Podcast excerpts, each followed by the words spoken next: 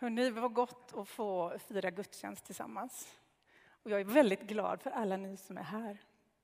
Det känns liksom speciellt idag när det, man, känner, man har känt sig begränsad. Men Gud är inte begränsad, utan han är här.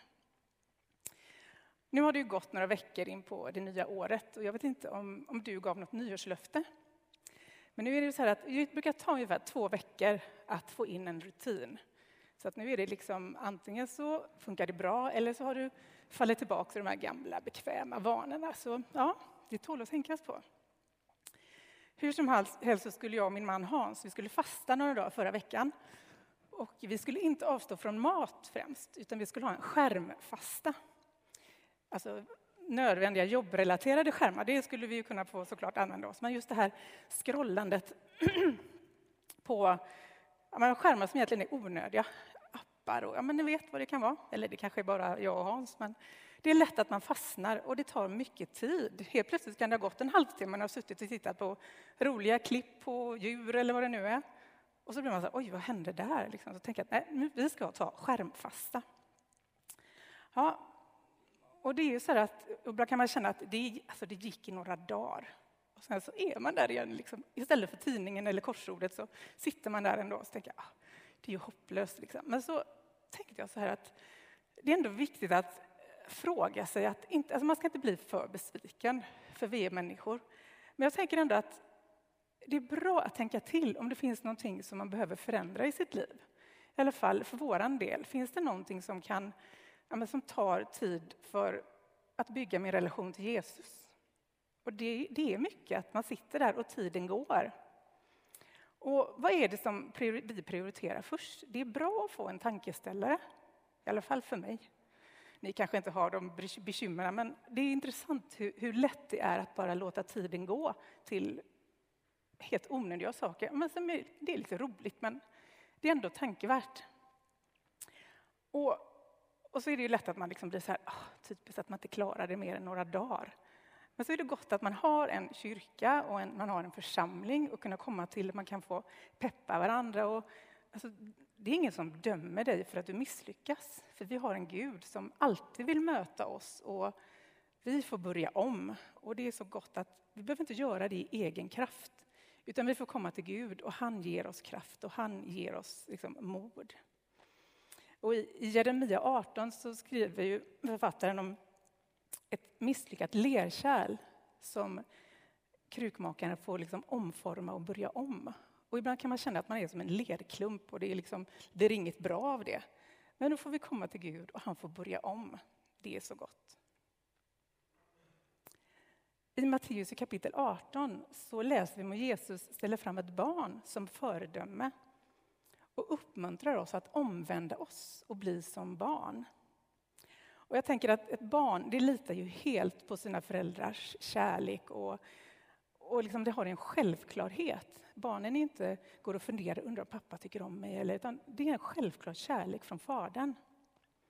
Och, och, det är så gott att som barn så kan man alltid, om man misslyckas, ja, men då får man krypa upp i pappas famn eller mammas famn. Och, och där får man hämta trygghet igen. Men nu ber vi tillsammans en stund. Ja, Herre, jag tackar dig för att vi får kalla oss dina barn, Herre. Tack för att du har lovat att alltid vara med oss i livets alla förhållanden, Herre. Och du känner oss var och en som sitter här inne, Herre, och de som kommer följa gudstjänsten via media, Herre. Du, du känner oss precis var och en och du vill möta oss idag, Herre.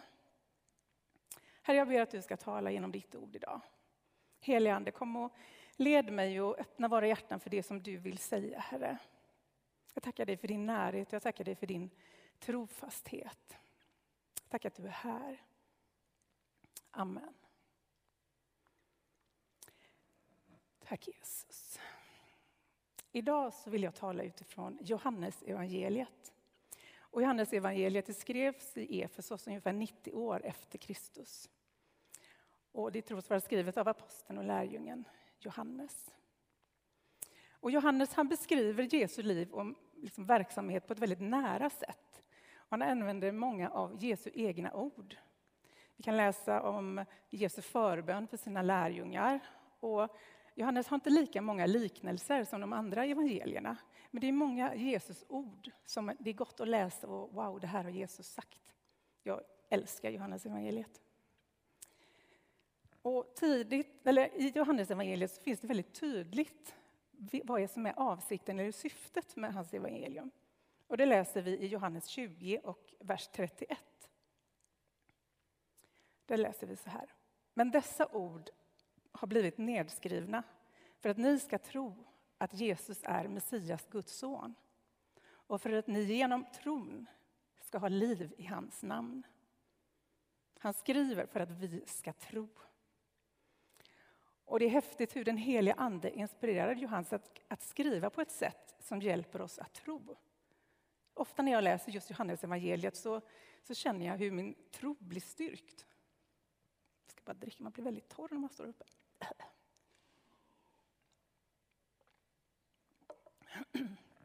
Och det är ju så, för att kunna lita på en person så måste man ju lära känna personen i fråga, eller hur? Visst är det så?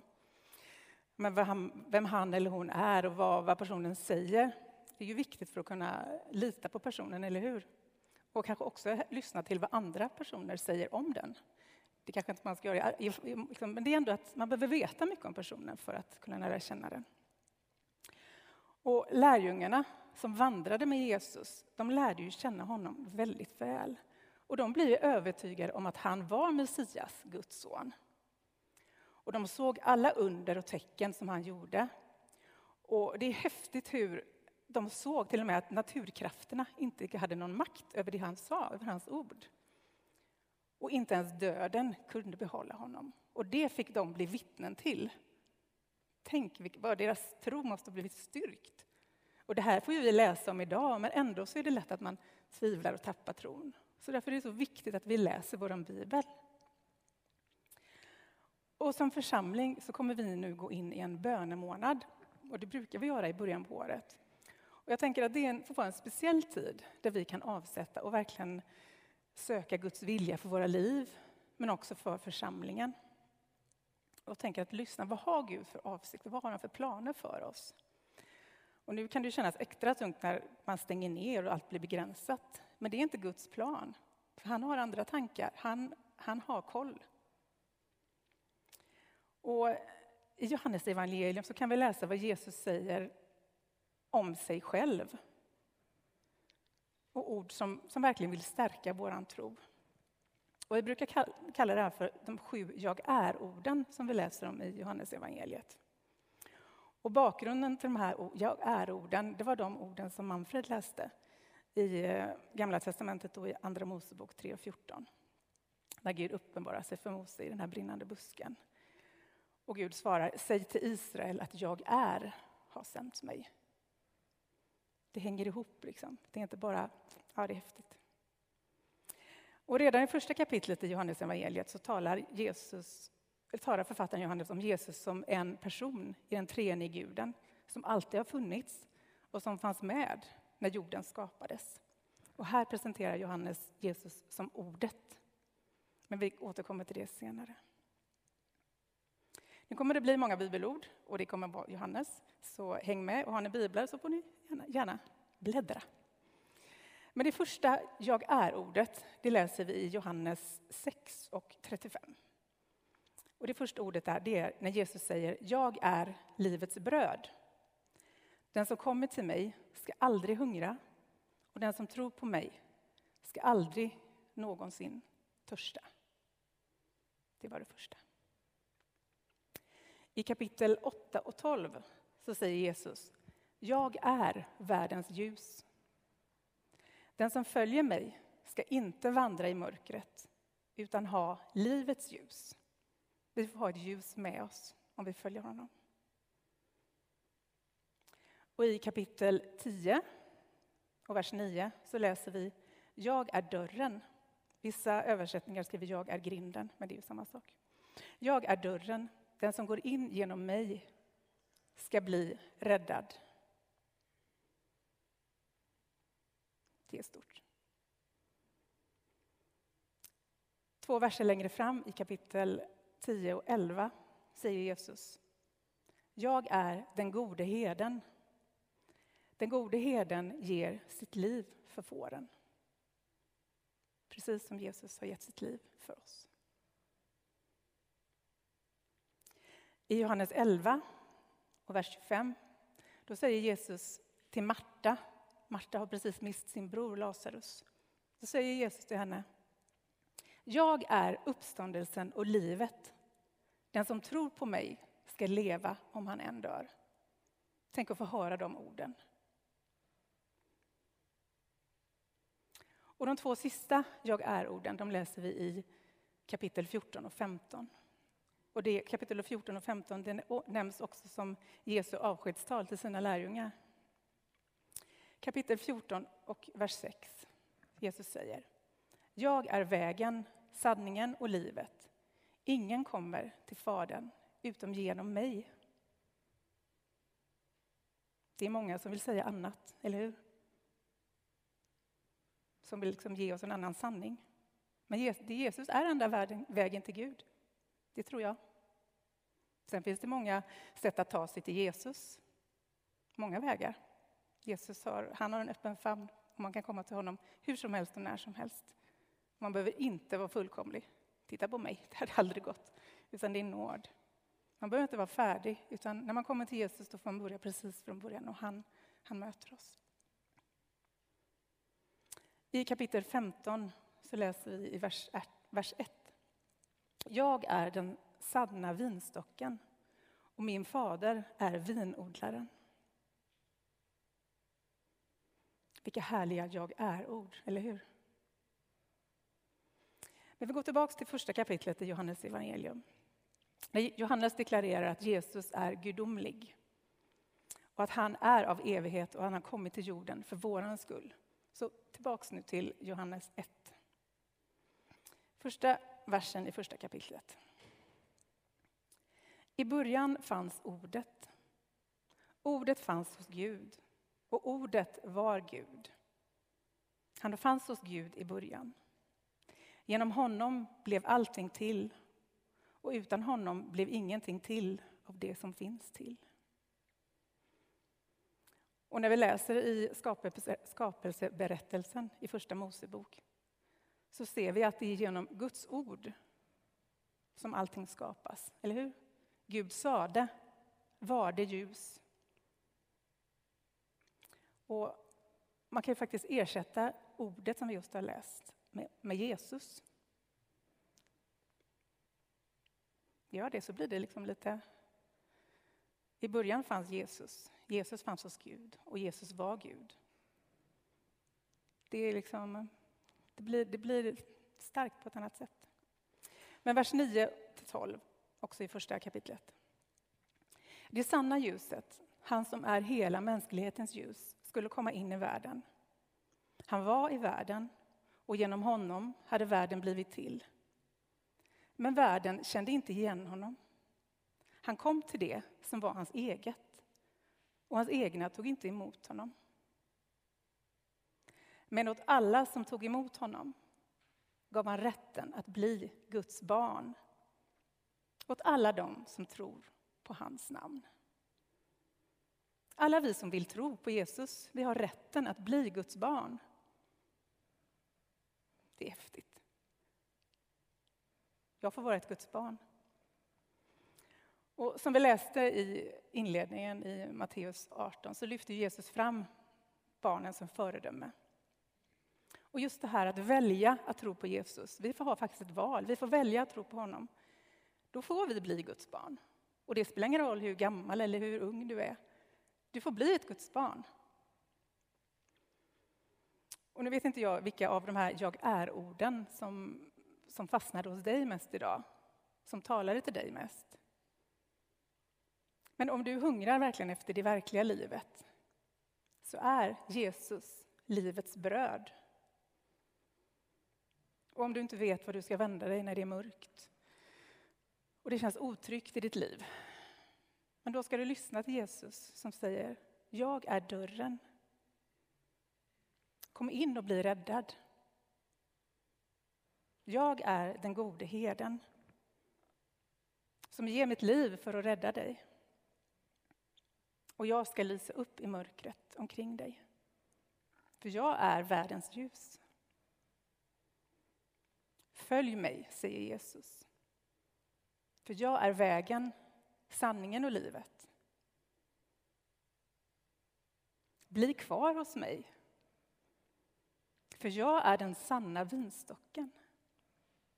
Och du kan få bli inympad i Kristus. Och du behöver inte ens vara rädd för döden. För Jesus säger, jag är uppståndelsen och livet. Vi behöver inte vara rädda för döden. Det är vi ju, det är klart vi är det. Men vi behöver inte få vara det. För Jesus är uppståndelsen och livet. Precis som han sa till Marta. Det gäller idag. Det är inte bara en bok, utan det är sanning. Bibeln är sanning.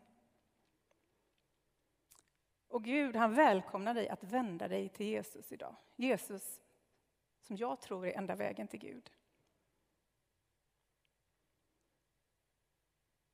Så sitt med ett öppet hjärta och ta emot hans kärlek och det som han vill ge till dig. Du får bli hans barn. Och som barn så får vi komma till honom. Vi får komma till honom som säger, jag är med er alla dagar in till livets slut. Och sen så får vi vara tillsammans med honom i evigheten. Det är lätt för mig att predika och säga detta när det inte alls känns så kanske för dig som lyssnar. Men det är en sanning och det vill jag bara påminna dig om.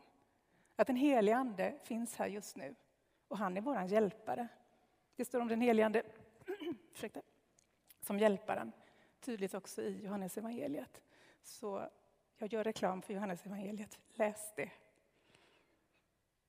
Och jag tänker att vi ska ta en stund nu när vi eh, får ja, men bara andas ut och få ta emot de här orden som, som har predikats idag, som har landat i ditt hjärta. För alla ord som läses ur Bibeln och sås ut, det, det gör verkan. Om du öppnar ditt hjärta så får det få slå rot och det får börja gro. Och det får bli liksom en sanning i dig. Och det kan få bli en trygghet. Så jag ska snart sluta, men jag tänker att vi tar en stund när vi, vi ber. Och eh, vi har ingen förbön på det sättet, utan vi, vi sitter ner i, i våra stolar. Så lägg handen på ditt hjärta och, och be för dig, du som, som vill ha förbön. Så tar jag med, med dig och Gud känner ditt hjärta. Vi har några som har varit sjuka i församlingen som vi ska lyfta fram. Eh, Peter eh, har varit jättesjuk i covid och eh, har legat på sjukhus i två veckor. Och har varit bättre, men i morse så blev han lite sämre. Så det, ja, det, vi tar med Peter och flera andra, så, och de som du har på ditt hjärta. Be med mig. Ja, Jesus, jag tackar dig för att du, du är och du alltid har varit och du kommer alltid att vara. Jag tackar dig för att du, du är här just nu, Herre. Om vi ser det här sedan på en skärm någonstans, Herre, så, så är du lika nära, Herre. För du är densamme. Och det finns ingen gräns för dig, utan du, du är alfa och omega, du är överallt, Herre. Herre, vi vill särskilt be för dem som vi, vi har på våra hjärtan, Herre. Du ser de händer som, som ligger på våra hjärtan nu, Herre. Du ber att du ska möta oss där vi är just nu. Tack att du ska fortsätta tala genom de här gudstjänsterna, genom, genom sånger och, och det som spelas, Herre. Jag tackar dig för att du, du finns med de som är oroliga, Herre. Jag tackar dig för att du får vara världens ljus, Herre. Att i, I den här mörka tiden, Herre, och allting som ser hopplöst ut, Herre, så är du världens hopp, Herre. Och vi får vara dina barn. Tack att du förnyar vår tro, Herre. Du ser att det är lätt att falla, som många av dina lärjungar gjorde så ofta. Vi är likadana, Herre. Men du älskar oss så obegränsat, Herre. Så jag tackar dig för att du du möter oss och du gör någonting nytt idag, Herre. Herre, vi står helt inför, inför dig, Herre, och ber att du ska förvandla, att du ska röra vid oss, Herre. Herre, du ser ekonomi för församlingen, Herre. Vi har pratat om att samla in mer pengar. Herre, tack att du vill välsigna församlingen, Herre. Vi ber om, om ekonomiska under, Herre, som du har gjort i alla tider och du kan fortsätta att göra, Herre. Vi får lämna allting i dina händer, Herre. Och vi prisar och ärar dig. Herre, tack att du ska uppmuntra oss och du ska överraska oss lite extra idag, Herre. När det kan kännas tungt. Jag ber att vi var och en ska få, få märka hur du har gjort någonting idag i våra liv när vi går härifrån, Herre. Ja, Jesus, tack att du är. Prisar och ärar dig. I Jesu namn. Amen.